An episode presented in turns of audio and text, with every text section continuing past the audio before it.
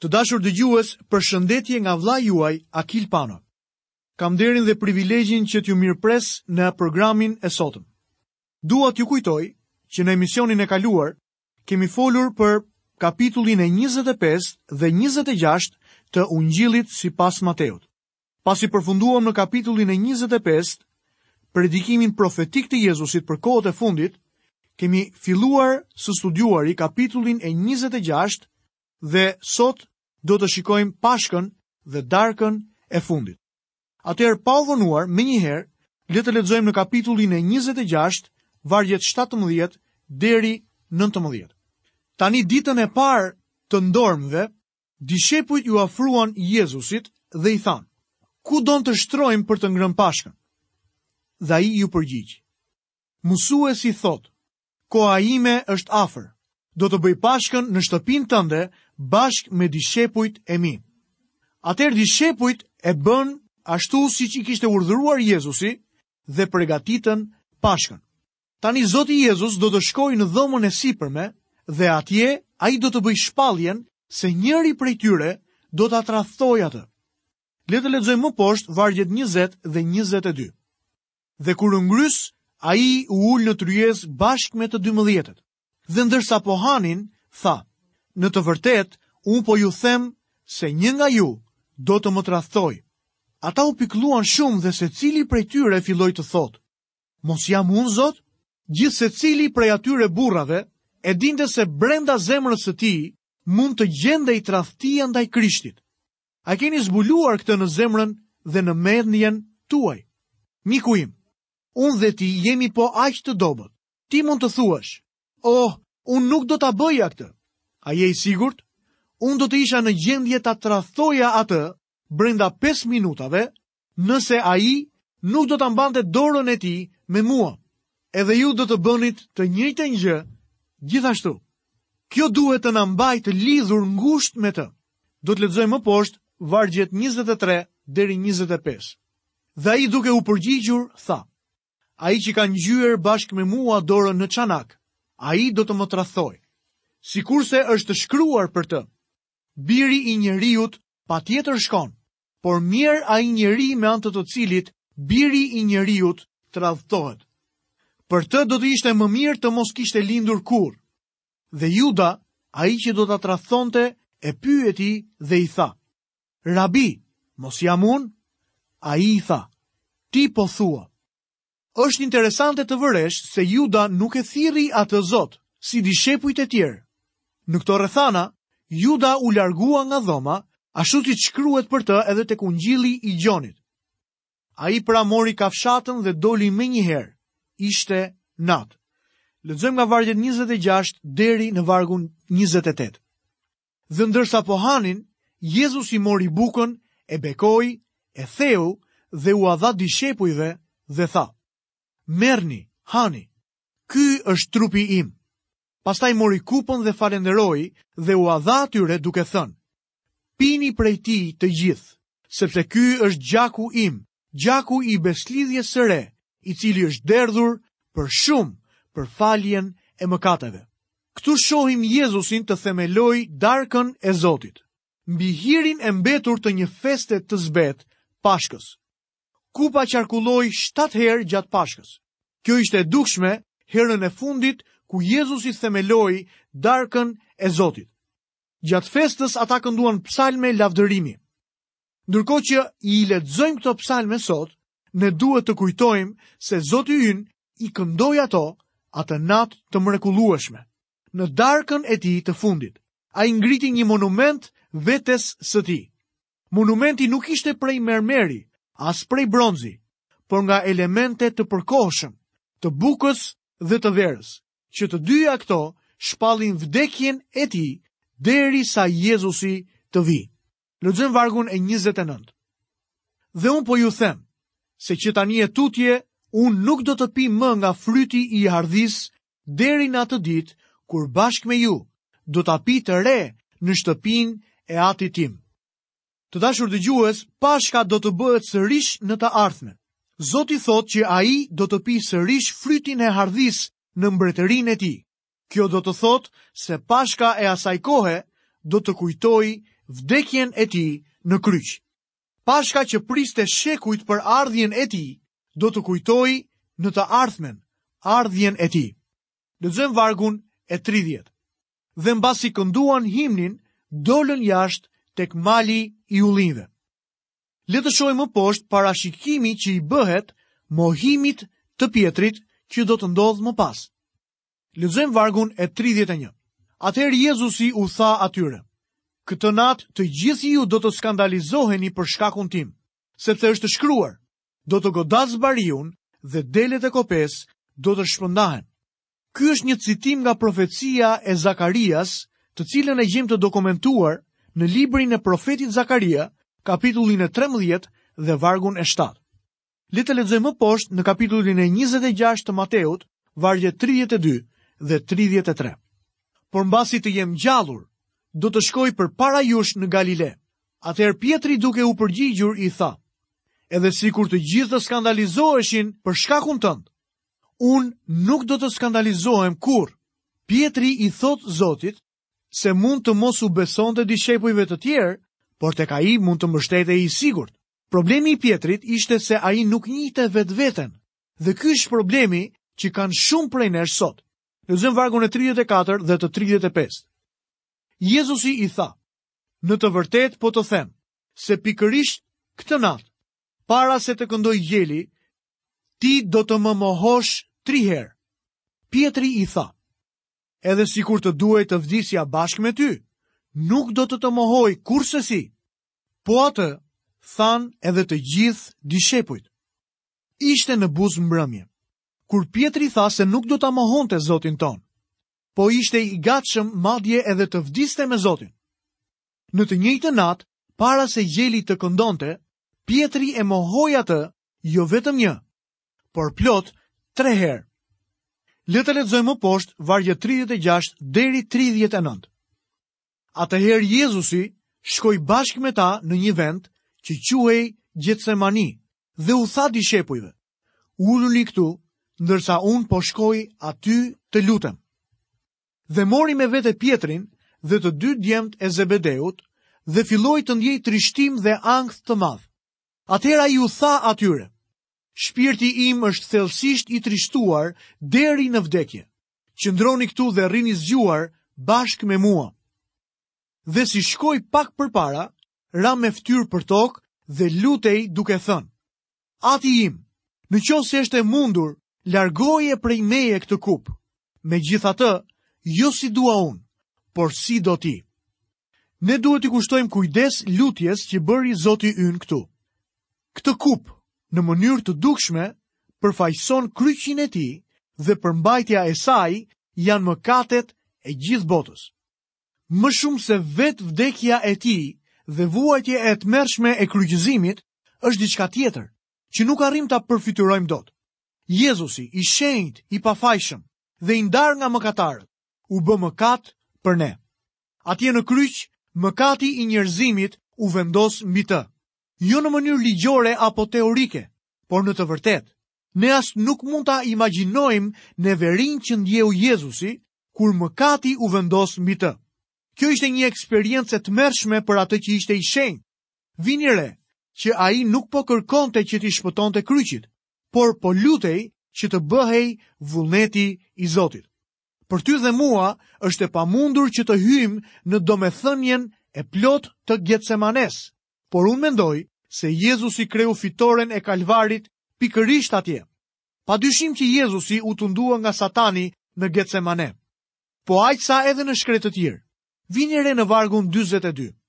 U largua përsëri për herë të dytë dhe u lut duke thënë: Ati im, në qoftë se nuk është e mundur që kjo kupë të largohet prej meje, pa u pirë prej meje, u bëftë vullneti yt.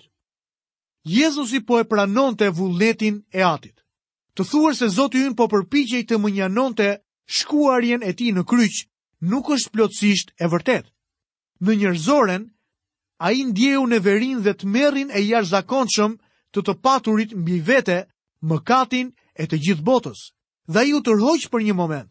Por Jezusi e nënshtroi veten e tij ndaj atit. Ai erdhi për të bërë vullnetin e atit të tij.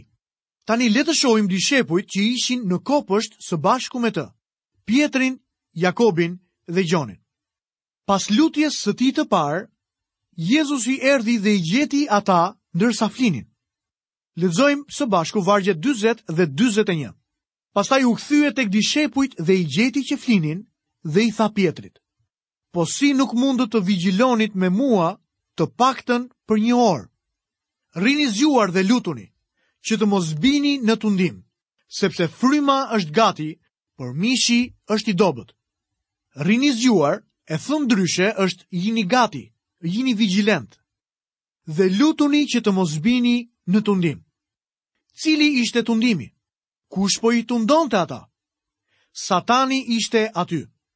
Jezusi luftoi me një armik të padukshëm. Kjo është evidente. Ai e mposhti armikun atje në Getsemane. Fitorja e Kalvarit u krye në kopshtin e Getsemanesë. Lexojmë vargun 42. U largua përsëri për herë të dytë dhe u lut duke thënë: Ati im, në qoftë se nuk është e mundur që kjo kupë të largohet prej meje pa u pirë prej meje, u bëftë vullneti yt. Jezusi ia nënshtroi vetveten vullnetit të Atit.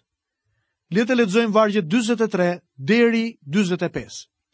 Pastaj u kthye dhe i gjeti përsëri që flinin, sepse sytë e tyre ishin rënduar. Dhe mbasi i la ata, u largua përsëri dhe u lut për të tretën herë duke thënë të njëjtat fjalë.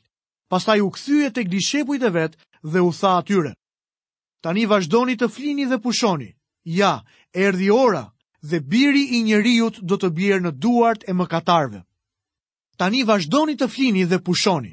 Me sa duket, ka një interval kohor midis këtij vargu dhe vargut vijues.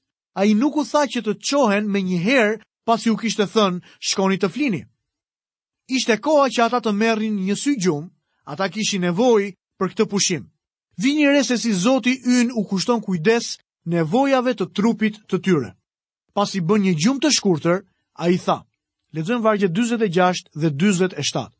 Çohuni të shkojmë, ja, ai që po më tradhton është afër, dhe ndërsa ai ende po fliste, ja Juda, një nga të dymbëdhjetët, erdhi dhe bashkë me të, Një turmë e madhe me shpata dhe me shkopinj, e dërguar nga krerët e priftërinjve dhe nga pleqtë e popullit.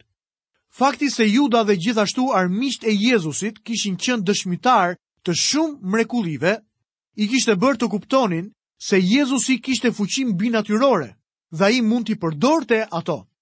Kështu që kur erdhën për ta arrestuar, ata sollën një turmë të tërë me burra të armatosur. Me shumë mundësi, e gjithë garda ishte aty. Lexojmë vargun 48. Tani ai që e tradhtonte u kishte dhënë atyre një shenjë duke thënë: Atë që unë do të puth, ai është. Kapeni.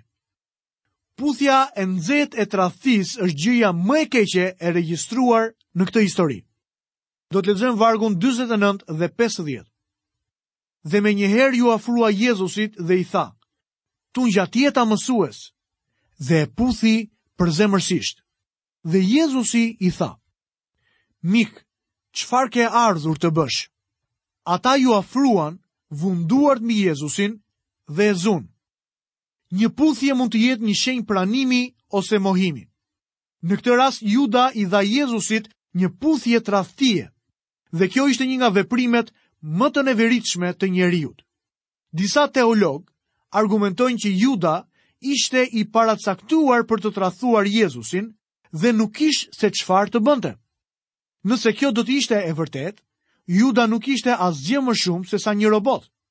Unë besoj se Juda vendosi vetë të tradhtonte Zotin tonë dhe kishte çdo mundësi për të ndërruar planet e tij. Ju mund të thoni, po por ishte profetizuar që ai do ta tradhtonte Jezusin. Jam dakord me ju, ishte profetizuar dhe Zoti ynë e caktoi që të ishte pikërisht ai. Megjithatë, me përmbushjen që Juda i bën kësaj profecie, pasi Jezusi u tradhtua, Juda mund të ishte penduar. Jezusi i dha Judës një mundësi të fundit për t'u penduar dhe për ta pranuar atë. Edhe pasi i dha Jezusit atë puthje të nxehtë të tradhtisë, Jezusi e quajti mik. Më pas, kur Juda shkoi në tempull dhe flaku monedhat e argjendit që i dhanë për të tradhtuar Zotin, ai mund të kish ndryshuar mendje. Ndërkohë që priftërinjtë po e çonin Jezusin tek Pilati, Juda mund të ishte përulur përpara tij dhe t'i thoshte: "Më fal o Zot, unë nuk e dija çfarë po bëja." Zoti do ta kishte falur atë. Lexojmë vargun e 51. Dhe ja, një nga ata që ishte me Jezusin, zgjati dorën, nxori shpatën e vet, iu hodh shërbëtorit të kryepriftit dhe ia preu veshin. Ne e dimë se kush ishte ai. Ishte Simon Pjetri. Mendoj se ai po përpiqej të provonte diçka. Pak më parë, Pjetri u mburr që do të vdiste për të mbrojtur Jezusin, por Jezusi i tha se pikërisht atë natë ai do ta mohonte atë. Pjetri mori një shpatë duke menduar të mbronte Zotin e tij. Por Pjetri ishte një peshkatar dhe jo një mjeshtër i shpatës. Ai i preu veshin këtij njeriu, por qëllimi i vërtetë, mendoj se ishte t'i priste kokën, gjë që nuk arriti ta realizonte. Lexojmë vargjet 52 dhe 53. Atëherë Jezusi i tha, ktheje shpatën në vendin e vet, sepse të gjithë ata që rrokin shpata, prej shpatës do të vdesin. A kujton ti vallë se unë nuk mund t'i lutem Atit tim që të më dërgojë më shumë se 12 legjione engjëjsh? Me fjalë të tjera, unë nuk kam nevojë për shpatën tënde të vogël, Pjetër. Unë nuk kam ardhur të ngre një betejë kundër krerëve fetarë, Unë erdha të vdes për mëkatet e botës. Lexojmë vargun e 54. Po atëherë si do të përmbusheshin shkrimet, sipas të cilave duhet të ndodhte kështu. Ju e shini, Zoti ynë është duke përmbushur shkrimet. Mateu e bën shumë të qartë këtë gjë. Lexojmë vargun 55 dhe 56. Në atë moment, Jezusi u tha turmave, Ju dolët të më zini mua me shpata dhe me shkopinj sikundër një kusar. E pra çdo ditë isha i ulur midis jush duke mësuar në tempull dhe ju nuk më kapët. Më parë ora e tij ende nuk kishte ardhur, por tani ora e tij erdhi. Por të gjitha këto ndodhën që të përmbushen shkrimet e profetëve. Atëherë të gjithë dishepujt e lanë dhe ikën. Jezusi e kishte parathënë këtë. Të gjithë dishepujt e braktisën në atë çast. Le të shikojmë ngjarjet që zhvillohen në pallatin e kryepriftit. Lexojmë në vargun 57 të kapitullit të 26 të Ungjillit sipas Mateut. Dhe ata që e kishin arrestuar Jezusin e çuan te Kajafa, kryeprifti, ku tashmë ishin mbledhur skribët dhe pleqtë. Më pas, ne zbulojmë se vjerri i Kajafës ishte nxitësi i vërtetë i gjithë kësaj. Por Jezusi duhej çuar te Kajafa, kryeprifti, për sulmin e parë. Për shkak se krerët fetarë do t'i kërkonin Romës dënimin me vdekje, ata duhet të gjenin atë natë se çfarë akuze mund t'i çonin Pilatit kundër Jezusit në mëngjes. Lexojmë vargun e 58. Dhe Pjetri e ndoqi nga larg deri në pallatin e kryepriftit dhe mbasi hyri aty, u ul bashkë me rojet për të parë fundin. Simon Pjetri e ndoqi nga larg. Për çdonjërin prej nesh është e rrezikshme që ta ndjekim Jezusin nga larg. Tek Ungjilli i Gjonit, kapitulli tetëmbëdhjetë, vargjet pesëmbëdhjetë dhe gjashtëmbëdhjetë, na tregojnë se me ndihmën e Gjonit, Pjetri mundi të hynte në oborrin e pallatit. Ai priti atje për të parë fundin, dhe vetëm pas pak ai do të mohonte Zotin e tij. Lexojmë vargjet pesëdhjetë e nëntë dhe gjashtëdhjetë. Tani krerët e priftërinjve, pleqtë dhe të gjithë Sinedri kërkonin ndonjë dëshmi të rreme kundër Jezusit për ta vrarë, por nuk gjetën asnjë. Ndonëse u paraqitën shumë dëshmitarë të rremë, nuk e gjetën. Por në fund u paraqitën dy dëshmitarë të rremë. Siç mund ta shihni, për shkak se krerët fetarë nuk kishin asnjë dëshmi kundër Zotit Jezus, ata duhet të gjenin dëshmitarë të rremë. Gjithë çështja qëndronte në gjetjen e një dëshmitari të rremë që mund t'u qëndronte hetimeve. Pilati mund të ishte një njeri disi kureshtar, në fakt ishte, dhe bënte disa pyetje të mërzitshme.